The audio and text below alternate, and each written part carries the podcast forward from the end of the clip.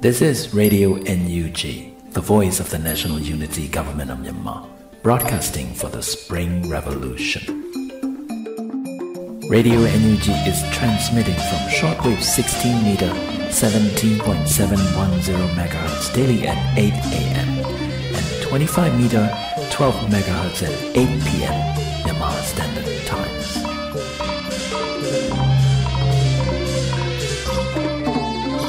င်္ဂလာပါခင်ဗျာအမျိုးသားညီညွတ်ရေးအစိုးရရဲ့အသံလွှင့်ဌာန Radio NUG ကိုမနေ့၈နိုင်မှာ flight meter 16 meter 19.87 MHz ညဘက်မှာ flight meter 25 meter 12 MHz တို့မှာတိုက်ရိုက်ဖမ်းယူနားဆင်နိုင်ပါပြီမင်္ဂလာအပေါင်းနဲ့ပြည့်စုံကြပါစေခုချိန်ကစပြီး Radio NUG အစီအစဉ်လေးကိုဓာတ်ရိုက်အသံလွှင့်ပေးနေပါပြီ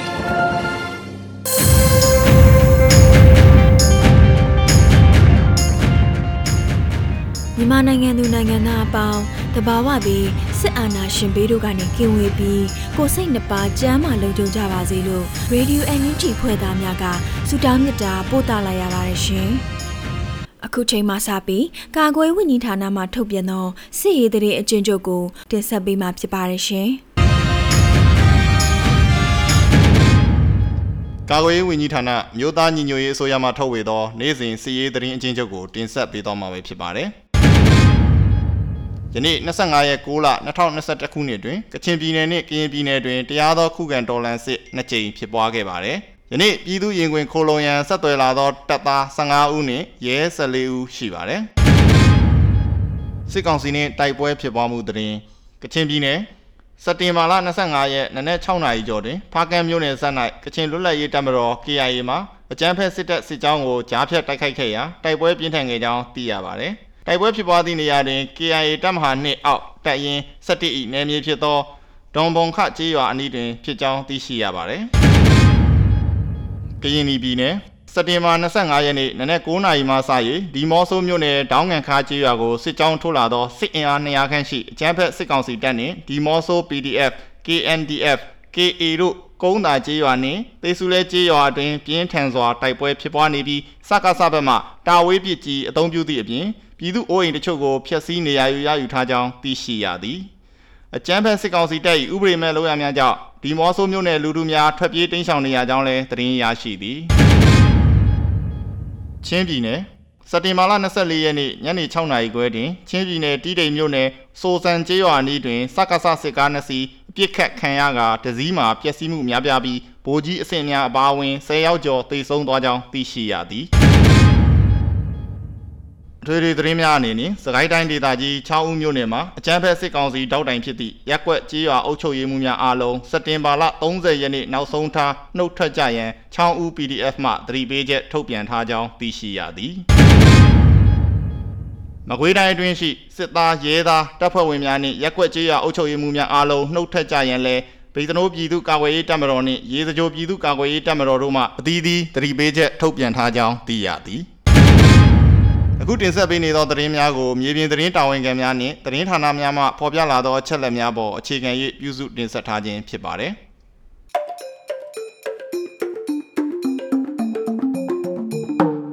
ရေဒီယို NUG မှာဆက်လက်အသံလွှင့်နေပါတယ်။အခုချိန်ကစပြီးနေ့စဉ်သတင်းများကိုမတ်ထထအိန္ဒြာအောင်မှတင်ဆက်ပေးသွားမှာဖြစ်ပါတယ်ရှင်။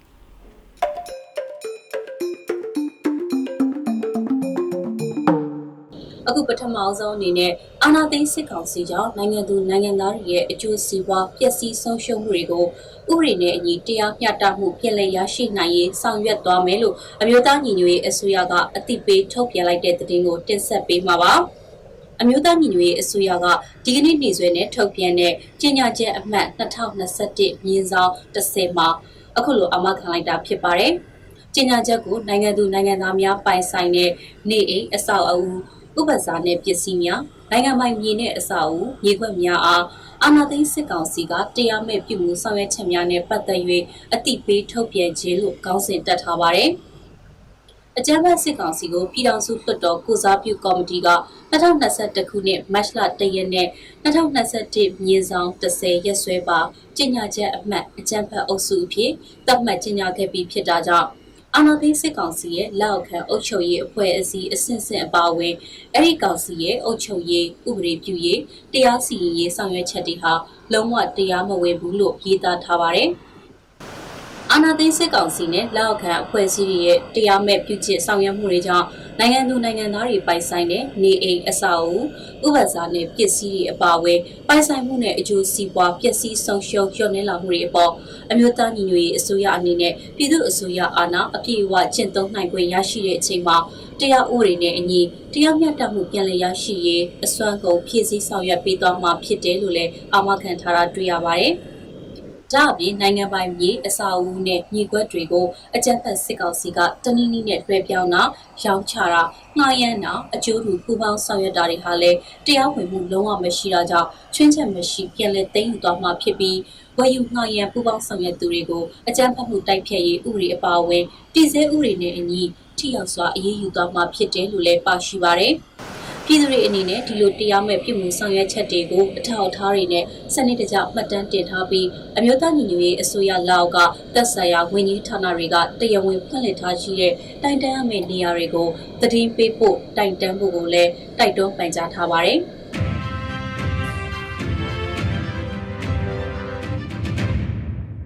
ဆက်လက်ပြီးတော့အကြမ်းဖက်စစ်ကောင်စီက CDF မင်းတပ်နဲ့ပတ်သက်တဲ့သတင်းတူတွေကိုရည်ရွယ်ချက်ရှိရှိဖျက်ချီနေတဲ့သတင်းကိုတင်ဆက်ပေးကြပါမယ်။အာဏာသိမ်းစစ်ကောင်စီဟာမင်းတပ်အပါအဝင်ချင်းပြည်နယ်ကမြို့နယ်တွေကိုအင်တာနက်ဖြတ်တောက်ပြီးတဲ့နောက်သတင်းတူတွေထုတ်လွှင့်ပြီးချင်းပြည်ကာကွယ်ရေးတပ်ဖွဲ့ CDF အဖွဲ့ဝင်တွေကြားမှာစိတ်ဝမ်းကွဲမှုတွေဖြစ်ပေါ်အောင်လှုံ့ဆော်နေတယ်လို့မင်းတပ်မြို့နယ် CDF ရဲ့ပြောရေးဆိုခွင့်ရှိသူတအူးကပြောပါရယ်။ စက်တင်ဘာ24ရက်နေ့က online Facebook စာမျက်နှာပေါ်မှာအကောင့်တုနဲ့ CTF မင်းတပ်အဖွဲ့အတွင်းအလူငွေကိစ္စစကားများရမှာအပြန်အလှန်ပြစ်ခတ်မှုဖြစ်ပွားပြီးနှစ်ဦးသေဆုံးကသုံးဦးတန်ရာရှိခဲ့တဲ့ဆိုတဲ့သတင်းတူကိုရည်ရွယ်ချက်ရှိရှိဖြန့်ဝေခဲ့တာရှိတယ်လို့မင်းတပ် CTF ကထုတ်ပြန်ထားပါတယ်။အဲဒီလိုထုတ်ပြန်ရမှာမင်းတပ်မြို့နယ်ပြည်သူ့အုပ်ချုပ်ရေးအဖွဲ့ရဲ့ဒစိတ်တုံးလက်မှတ်နဲ့ CDF မင်းတပ် logo ပါဝင်တဲ့စာအားဖြည့်ညက်ကရေးသားပြုလုပ်ခဲ့တာဖြစ်ပါတယ်။ အဲ့ဒီရေးသားဖော်ပြချက်ဟာလူပုဂ္ဂိုလ်တအုပ်ကနေပြီးတော့ CDF မင်းတပ်အားရွေချက်ရှိရှိနဲ့လောက်ကျန်ဖန်တီးတဲ့သတင်းမှသာဖြစ်ပြီးတော့ CDF မင်းတပ်အနေနဲ့ဖြစ်နိုင်ခြေရှိတဲ့အကောင့်တူပိုင်ရှင်ကိုစုံစမ်းသိရှိပြီးဖြစ်လို့ဆက်လက်ဖော်ထုတ်ပြီးလိုအပ်တယ်လို့အရေးယူနိုင်ရေးလှုံ့ဆော်နေတယ်လို့ထုတ်ပြန်ချက်မှာဖော်ပြထားပါတယ်။ စစ်ကောင်စီကဆက်သွယ်ရေးလိုင်းတွေနဲ့ဆက်သွယ်ရေးလမ်းကြောင်းတွေကိုဖျက်တောက်ပြီးမှကျွန်တော်တို့တုံ့ပြန်နိုင်ခြင်းအားနည်းတာကိုအခွင့်ကောင်းယူပြီးသွေးခွဲနေတဲ့တိုက်ခိုက်နေတဲ့သဘောလို့ယူဆပါတယ်လို့လည်း Mandat CTF ရဲ့ပြောရေးဆိုခွင့်ရှိသူကပြောပါတယ်အင်တာနက်ဖြတ်တောက်ခံရတာကြောင့်သတင်းအချက်လက်ရယူတာပို့ဆောင်တာပြပနဲ့ဆက်သွဲတာသတင်းဌာနတွေနဲ့ချိတ်ဆက်တာစတဲ့အခက်အခဲတွေရှိနေသလိုပဲသတင်းတူသတင်းမှားတွေကိုအချိန်မီဖြည့်ရှင်းတုံ့ပြန်နိုင်မှုလည်းအခက်အခဲရှိနေတယ်လို့သူကဆိုပါတယ်။ သူတို့ကအချင်းချင်းပြုတ်ကွဲမှုဖြစ်အောင်ဝေဝါးတန်တရားစိတ်တွေဖြစ်အောင်ဆိုပြီးတတိအတူတွေအကောင့်တူတွေနဲ့အလူခံတာတွေအချင်းချင်းအလူငွေကိစ္စနဲ့စကားများပြစ်ခတ်ပါတယ်စတဲ့တတိမတွေဖြန့်ပြီးမှအချင်းချင်းစိတ်ဝမ်းကွဲအောင်လုပ်တာပေါ့အချင်းချင်းသွေးခွဲတာပေါ့လို့လဲ CTF ရဲ့ပြောရေးဆိုခွင့်ရှိသူကပြောပါတယ်စစ်ကောင်စီဟာချင်းပြည်နယ်မှာရှိတဲ့မြို့နယ်ရှစ်မြို့နယ်နဲ့ စကိုင်းမန္တလေးမကွေးနဲ့ချင်းပြည်နယ်ကမြို့နယ်တွေကိုအင်တာနက်ဖြတ်တောက်မှုတွေလှုပ်ဆောင်ပြီးတော့ပြည်သူတွေအပေါ်အကြမ်းဖက်နှိမ်နင်းနေတဲ့သူတို့ရဲ့လုပ်ရက်တွေကိုတည်င်းမှောင်ချဖို့လှုပ်ဆောင်နေတာဖြစ်ပါတယ်။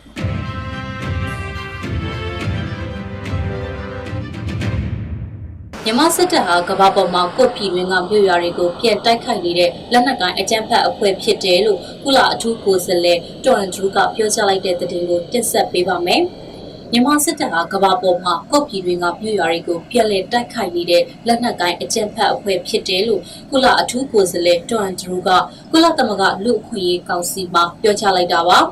PDF လို့ခေါ်တဲ့ပြည်သူ့ကာကွယ်ရေးတပ်ဖွဲ့ကိုတော့ကြီးမားတဲ့စစ်တပ်ကိုစန့်ကျင်တော်လှန်ရေးနဲ့ချုပ်ဖို့တိုက်ခိုက်နေတဲ့အဖွဲ့တွေလို့မြန်မာနိုင်ငံလူ့အခွင့်အရေးဆိုင်ရာကုလသမဂ္ဂအထူးကိုယ်စားလှယ်တွန်ဒရူကဆိုပါတယ်။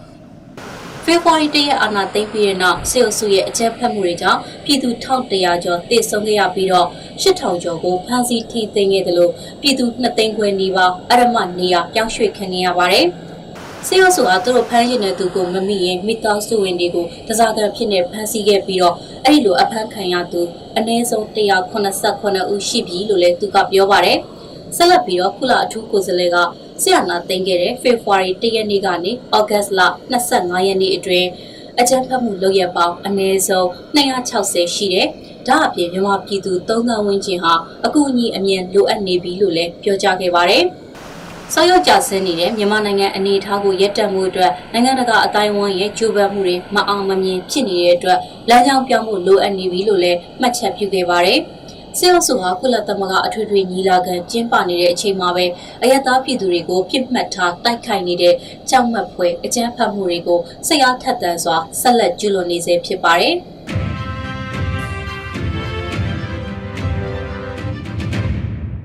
အခုနောက်ဆုံးတင်ဆက်ပေးမှာကတော့မြန်မာနိုင်ငံတဝန်ကလူမျိုးပေါင်းစုံဘာသာပေါင်းစုံပါဝင်တဲ့ဆီယာနာရှင်အမြင့်ဖြတ်စန့်ကျင်ရေးဆန္ဒပြပွဲတွေတည်င်းကိုစူးစီးတင်ဆက်ပေးမှာဖြစ်ပါတယ်။ မန္တလေးမြို့ကတန်ဃာတော်တွေဦးဆောင်တဲ့ရွှေဝါရောင်တော်လန်ရေး14နှစ်ပြည့်တပိတ်စစ်ကြောင်းကရွှေဝါရောင်စိတ်သက်ပဲ့တင်ထက်ဆရာနာရှင်အမြင့်ဖြတ်ဆိုတဲ့ကြွေးကြော်တဲ့နေနဲ့အတူသာသနာအလံလွှင့်ထူပြီးတော့ဒီကနေ့မနက်ပိုင်းကချီတက်တပိတ်မှောက်ခဲ့ပါတယ်။ဒါအပြင်စကိုင်းတိုင်းရင်းမာပင်ခရိုင်စာလန်းကြီးမြောက်ချမ်းနဲ့ရင်းမာပင်အရှိချမ်းကြေးရွာပေါင်းစုံတပိတ်စစ်ကြောင်းကလည်းရွှေဝါရောင်တော်လန်ရေး14နှစ်ပြည့်အထိမ်းအမှတ်နေတဲ့ ရွှေဝါရောင်စိတ်သက်ကိုက်ဆွဲပြီးအဆုံးသက်တိုက်ပွဲဝင်ကြဆိုတဲ့စာတမ်းကိုကိုက်ဆောင်ကကြေးရွာတွေလှည့်လည်ဆန္ဒပြခဲ့ပါတယ်။စကိုင်းတိုင်းရွှေဘုံမြို့နယ်အတွင်းကကြေးရွာတရွာမှာတော့ရွာသူရွာသားတွေဟာတပြေကတ်တွေကိုက်ဆောင်ပြီးအကြမ်းဖက်စစ်တပ်လူယူထားတဲ့အာဏာပြည်သူကိုပြင်ပေးဖို့နဲ့ရရင်ရမရရင်ချဆိုတဲ့ကြွေးကြော်တဲ့တွေတမ်းမြန်ရွတ်ဆိုပြီးတော့အင်အားဖြင့်ချိတက်ဆန္ဒပြခဲ့ပါတယ်။မောင်ရွာအမြင့်လန်ပေးကြေးရွာပေါင်းစုံစုပေါင်းတပိတ်စစ်ကြောင်းနဲ့ မုံရွာပင်မတပိတ်ကော်မတီဝင်ចောင်းသားတွေပူးပေါင်းပြီးတော့ရွှေဝါရောင်တော်လှန်ရေး14နှစ်ပြည့်အနေနဲ့စစ်ကောင်စီအမြင့်ပြတ်ချေမှုန်းရေးချီတက်ဆန္ဒပြခဲ့ပါတယ်။တဝက်ခရိုင်လောင်းလုံးမျိုးကအခြေခံပညာကျောင်းသူကျောင်းသားတွေပါဝင်တဲ့တပိတ်စစ်ကြောင်းကတော့တတိရှိလို့ဆန္ဒထွက်ပြတာတတိရှိရှိယူနီဖောင်းဝတ်ပြီးမှလာဖန်းဆိုတဲ့စာရန်ကိုကိုက်ဆောင်ပြီးတော့ဆန္ဒပြခဲ့ပါတယ်။ လောင်လုံးသပိတ်စစ်ကြောင်းဟာပြီးခဲ့တဲ့စက်တင်ဘာ19ရက်နေ့တုန်းကအရဲဝဲဝဲဆင်ထားတဲ့စစ်ကောင်စီတပ်သားတွေရဲ့ဖြိုခွင်းခံရပြီးတဲ့နောက်အခုလိုစာရန်ကင်ဆောင်ပြီးဆန္ဒပြခဲ့တာဖြစ်ပါတယ်။ရန်ကုန်တိုင်းမင်္ဂလာတုံနဲ့တောင်ကလာပါမြို့နယ်တွေကကားဂိတ်တချို့မှာတော့စစ်ကြုံဘဝလွတ်မြောက်ရေးပြည်သူအလုံးပါဝင်ပေးဆိုတဲ့ဗနိုင်းစာရန်ကိုချိတ်ဆွဲပြီးတော်လှန်ရေးစာရွက်တွေကိုဝေငှတဲ့အာဏာရှင်စန့်ကျင်တဲ့လှုပ်ရှားမှုကိုလူငယ်တချို့ကပြုလုပ်ခဲ့ပါတယ်။ ရန်ကုန်မြို့ကတက်ကြွလှုပ်ရှားရန်ကုန်အမျိုးသမီးများအဖွဲ့နဲ့အမျိုးသမီးတက္ကသကျောင်းသားဟောင်းများအဖွဲ့တို့ပူးပေါင်းပြီးမနက်ခင်းလူသွားလာများတဲ့ဇီလန်ထဲမှာဆီယနာရှင်စနစ်ကိုအမြင့်ချိုးမဲ့တပုတ်အမျိုးသမီးတပိတ်ဆိုတဲ့စာရန်ကိုင်ဆောင်ပြီးတော့ဆန္ဒပြခဲ့ပါတယ်။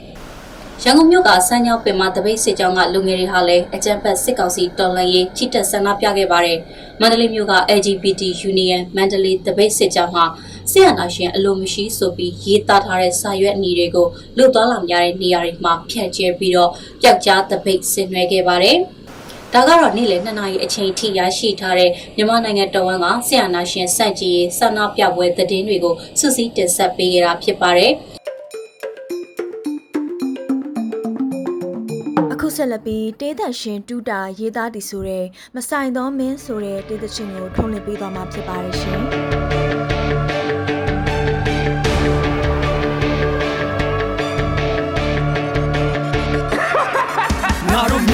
တို့မြေငါတို့ရေငါတို့ဘို့မင်းလည်းမဆိုင်မင်းလည်းမပိုင်မင်းရဲ့သမိုင်းကိုမင်းမရိုက်ငါတို့တွေ့ငါတို့ကျွေးမြေပေါ်တို့ကြောင့်မသိရှုံးမပိတ်မင်းမျိုးဆက်မင်းတို့ထွက်ပြည်သူတွေဖက်ချက်ကိုစင်တုံး တွေးနေငါတို့ရဲ့ချေမစိတ်ရမချင်းကိုတွေးမဲ့အေးငါတို့ထွက်ငါတို့ရှိရငါတို့ထွက်ငါ တို့ရှိရငါတို့ထွက်ငါတို့ရှိရငါတို့ထွက်ငါတို့ရှိရမင်းကမင်းတို့လိုဘုံတော်နဲ့ပြည်သူတွေကိုချော်ပြီးတွေးခဲ့တာမှကျင်းချလေတင်းကြွငါတို့မျိုးဆက်ကိုလည်းစုကြည့်ပေးခဲ့စရာလားရန်ကုန်လွင့်ထားတောင်းနေဝင်ကြငါတို့တွေးတွေကပဲတော့ကမအေးခဲကံတော့နှွေးစေပါကွာ88တုံးကလို့ဘာသာရေးမိုက်တိုက်ပြီးတွေးခွဲမှလားစဉ်းစားမရတော့ဘူးငါတို့မရှိပြီးသားတမိုင်းကပေးတဲ့တာကလက်ထက်ကတနက်ကိုဘေးချထားလိုက်ရင်ဘဲကောင်းနေတရေလည်းမမေးရဲပါမလားပြောင်းပါလေတွေးကြဲတာလားကိုတရမလက်ကိုရမတွေးနေကသွားလဲမမီတော့ဘူးယူတာတက်ဖို့ပေးရတာကအကျွေးရဲ့တဘာဝစီရီယမာတွေကစီဒီယလမ်းကိုမချွေးနေတဲ့များနဲ့ရွေးခဲ့တာကွာဒါကမှစောက်ရေးတဲ့လက်ကနေ TikTok ကားတွေနဲ့တရုတ်ဂိမ်း play တဲ့ဟာများမင်းတို့ကိုလူကရောမွေးခဲ့တာလားဒါပေမဲ့ဒါတွေကသေဖို့ပမောမို့ဒင်းတို့နဲ့ခွန်ဆောင်ပြီးအဲစရင်တိုင်နေတဲ့ဂျန်လီတွေကိုဘေးနဲ့ခဏချနောက်ဆုံးပြီးသူကိုယောဂဘေးနဲ့ညာချပြည်သူတွေလုံနေတဲ့ဆေးလေးရှာမြရှူရမယ့်အောက်ဆီဂျင်ဈေးလေးစောက်ပွားဒါတော့မတုံးတဲ့ကလေးဟာတာလို့မြောက်ဝရီကနေပြီးပေါ်သားတွေကျင်းရလဲမကြခင်ရောက်လာမမွေးတဲ့ကဘာမှာငါတို့လုံမဲ့ခွေးရဲ့ဇာပနာကြမှာမင်းပဲပြေးမလဲသာတော့မြို့ငါတို့မြေငါတို့ရေငါတို့ဖို့မင်းလည်းမဆိုင်မင်းလည်းမပိုင်မင်းရဲ့သမိုင်းကိုမင်းပဲရိုက်ငါတို့တွေ့ငါတို့ချွေမြေပေါ်တို့ချပါတဲ့ရှုံးမပိတ်မင်းမျိုးဆက်မင်းတို့တွေ့ပြည်သူတွေဖက်ချင်ဖို့စင်တုံးမှညီနောင်ဒီတစ်ခါပွဲ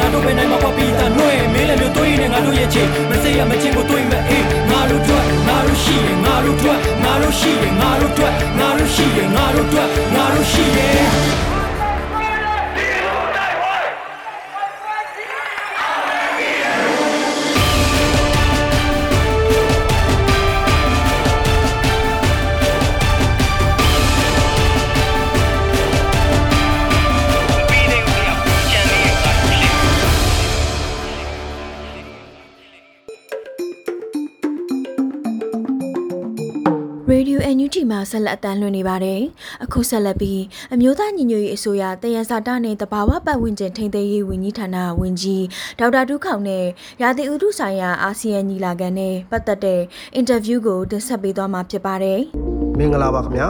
အာဆီယံမှာပြုလုပ်နေတဲ့တတိယအကြိမ်ရာသီဥတုပြောင်းလဲမှုဆိုင်ရာနိုင်ငံတကာညီလာခံမှာ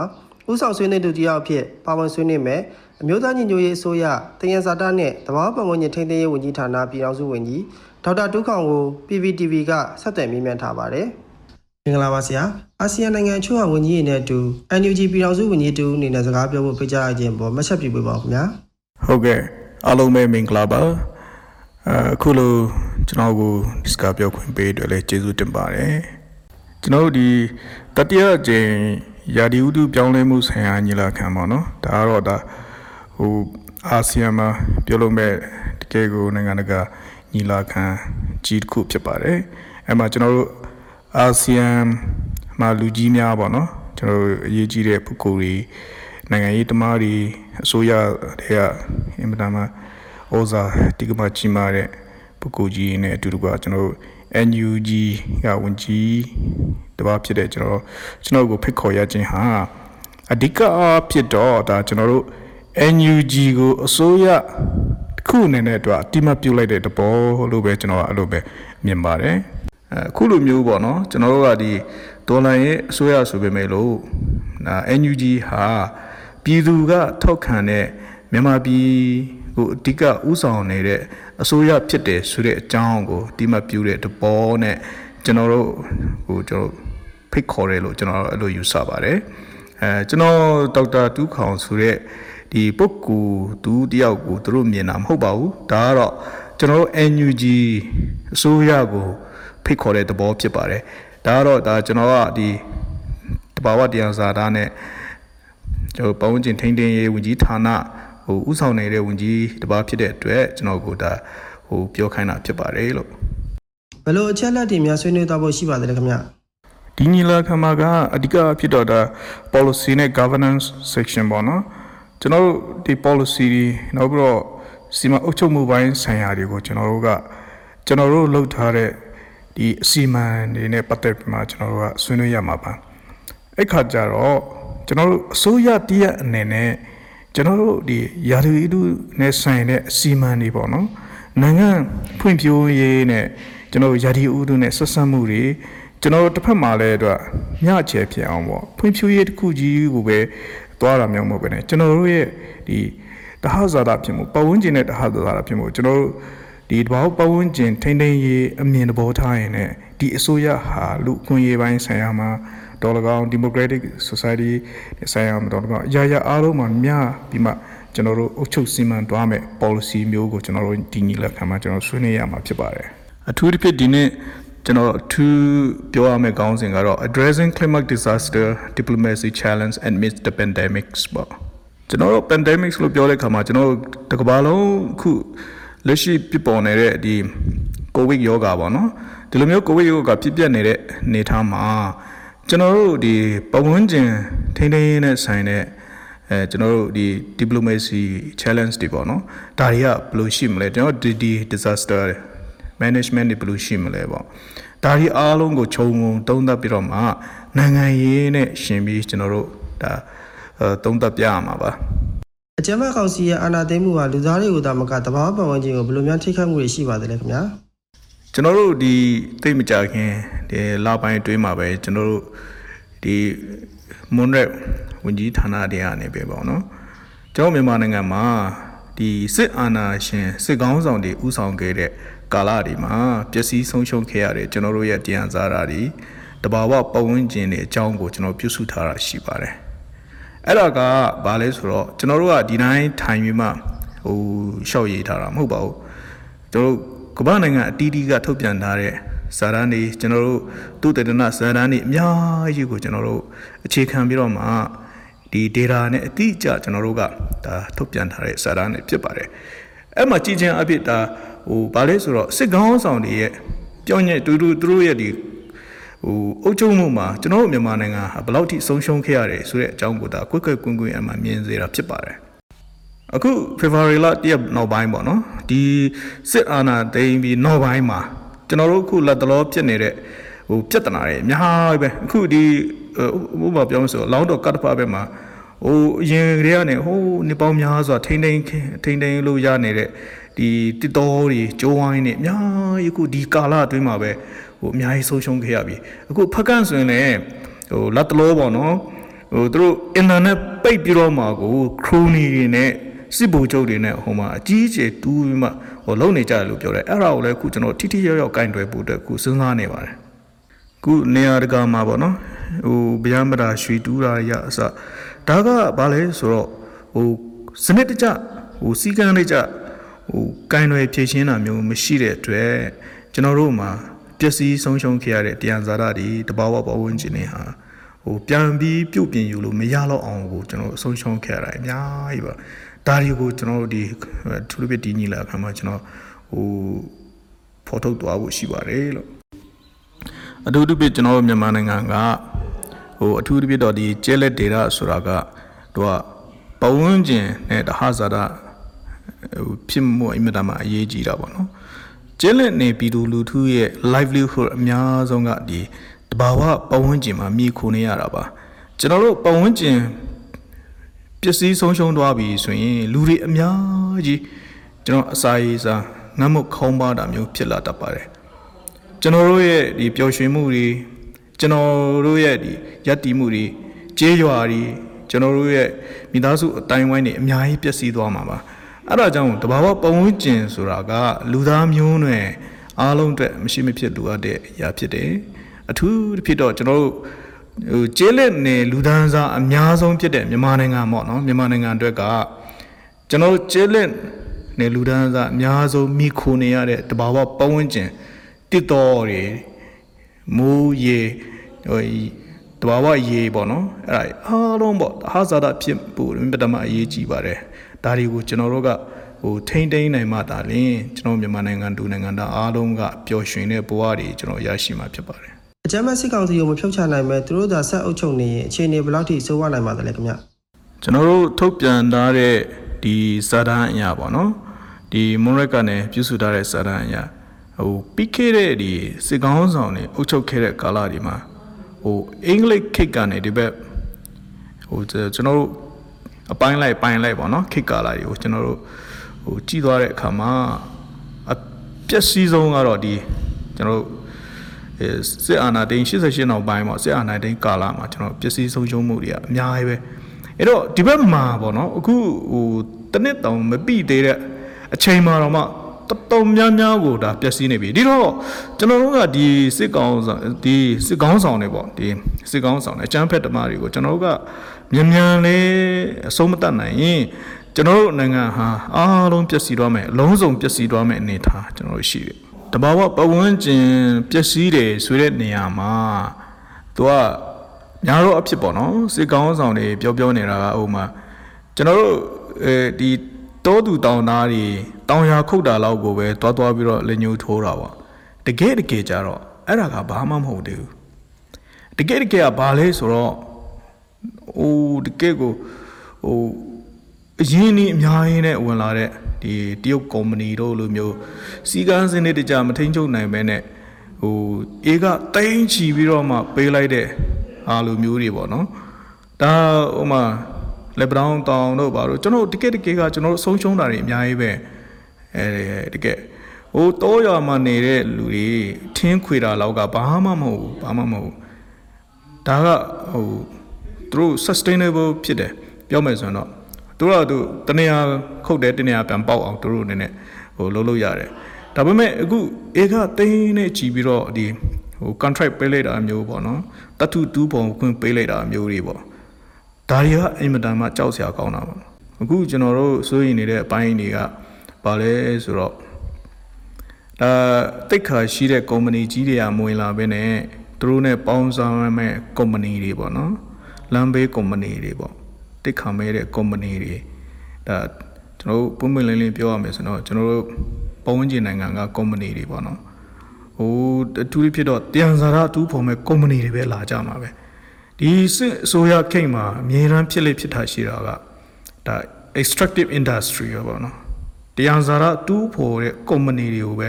များတော့အဖြစ်ကျွန်တော်ဖိတ်ခေါ်ပြီးတော့သူတို့ ਨੇ ပေါင်းပြီးမှဟိုဖြစ်တယ်လို့လုပ်တယ်ပေါ့နော်။ ဘာဝပေါင်းဝင်ခြင်းနဲ့ဆိုင်တဲ့ assessment တွေဘာမှမလုပ်ဘူးသူတို့ကြိုက်တယ်လို့အဆင်ပြေလို့ပဲလုပ်သွားတဲ့ပုံမျိုးတွေပေါ့အများကြီးရှိတယ်။ဒီပုံမှာအင်မတန်မှကြောက်ဖို့ကောင်းတာကကျွန်တော်တို့နိုင်ငံအတွင်းတာမဟုတ်ပဲねပဝန်းကျင်ပေါ့နော်ဒေတာအတွင်းပါကျွန်တော်ရာဒီဥတုပြောင်းလဲမှုအကြီးအကျယ်ဖြစ်လာနိုင်တဲ့သဘောတရားရှိတယ်ပေါ့နော်ဒါကြောင့်ဟိုရာဒီဥတုဆိုတာကအဲ့ဒီဒေတာမှာရှိတဲ့လူတွေနဲ့ပဲဆိုင်သွားတာမဟုတ်တော့ဘူးဒေတာတစ်ခုလုံးနဲ့သက်ဆိုင်သွားတာမျိုးပေါ့နော်အဲ့ဒါ ဆက်ဆက်မှုတွေအများကြီးရှိလာနိုင်တယ်ကျွန်တော်တို့အမေရိကတိုက်မှာကြီးမယ်ဆိုရင်တော့ဒီအမေရိကတောင်ပိုင်းပေါ့နော်အမေဇုံတစ်တော်တွေထိမ့်သိမ်းဖို့အတွက်မြောက်အမေရိကကဒီတထင်းနိုင်ငံတွေကသူအလုံငွေတွေထိကြတယ်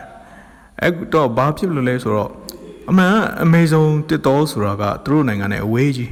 ဒါပေမဲ့ဘာဖြစ်လို့ဒီအမေဇုံတစ်တော်ကိုသူတို့အနေနဲ့ဟိုအလုံငွေထည့်ပြီးတော့မှထိမ့်သိမ်းဖို့ပေါ့နော်တွန်းအားပေးတယ်လေဆိုတော့ဒါက ယာဒီဥဒုနဲ့ဆိုင်တာတကဘာလုံးဆိုင်ရာယာဒီဥဒုနဲ့ဆိုင်သွားတာပေါ့နော်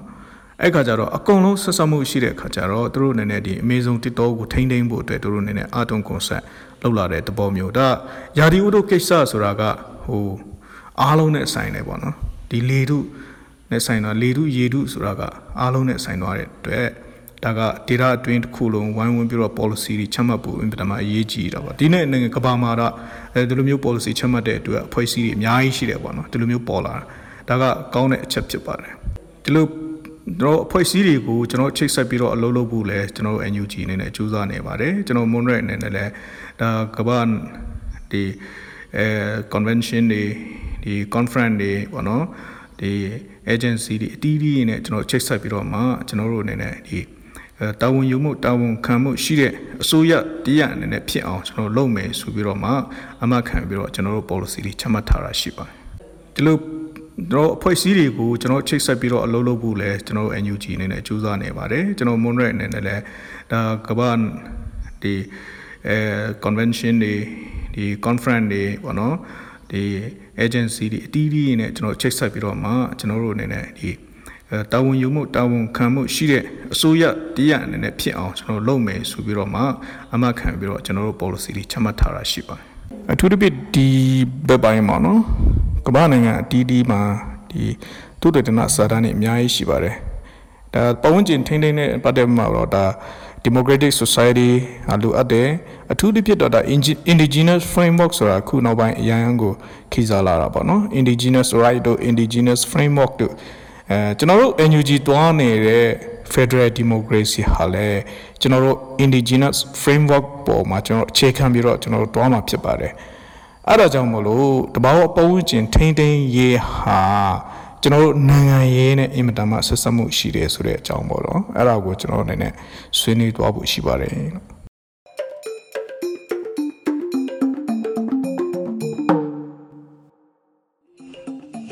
ဒီနေ့တော့ဒီညနဲ့ပဲ Radio NUG အစီအစဉ်လေးကိုကိတ္တ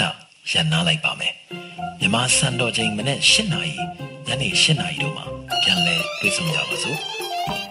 Radio NUG ကိုမနေ့၈နာရီမှာလိုင်းဒိုမီတာ16မီတာ19.87 MHz ညဘက်မှာလိုင်းဒိုမီတာ25မီတာ12 MHz တို့မှာတိုက်ရိုက်ဖမ်းယူနားဆင်နိုင်ပါပြီမြန်မာနိုင်ငံသူနိုင်ငံသားများ ကိုစိတ်နှပြချမ်းမာချမ်းသာလို့ဘေးကင်းလုံခြုံကြပါစေလို့ Radio NUG အဖွဲ့သူဖွဲ့သားများဆုတောင်းပေးလိုက်ပါတယ်အမျိုးသားညီညွတ်ရေးအစိုးရရဲ့ဆက်သွယ်ရေးသတင်းအချက်အလက်နဲ့ဤပညာဝန်ကြီးဌာနကထုတ်လွှင့်နေတဲ့ Radio NUG ဖြစ်ပါတယ် San Francisco Bay Area အခြေစိုက်မြန်မာမိသားစုများနဲ့နိုင်ငံတကာကစေတနာရှင်များလှူအားပေးများရဲ့ Radio NUG ဖြစ်ပါတယ်အရေးတော်ပုံအောင်ရမည်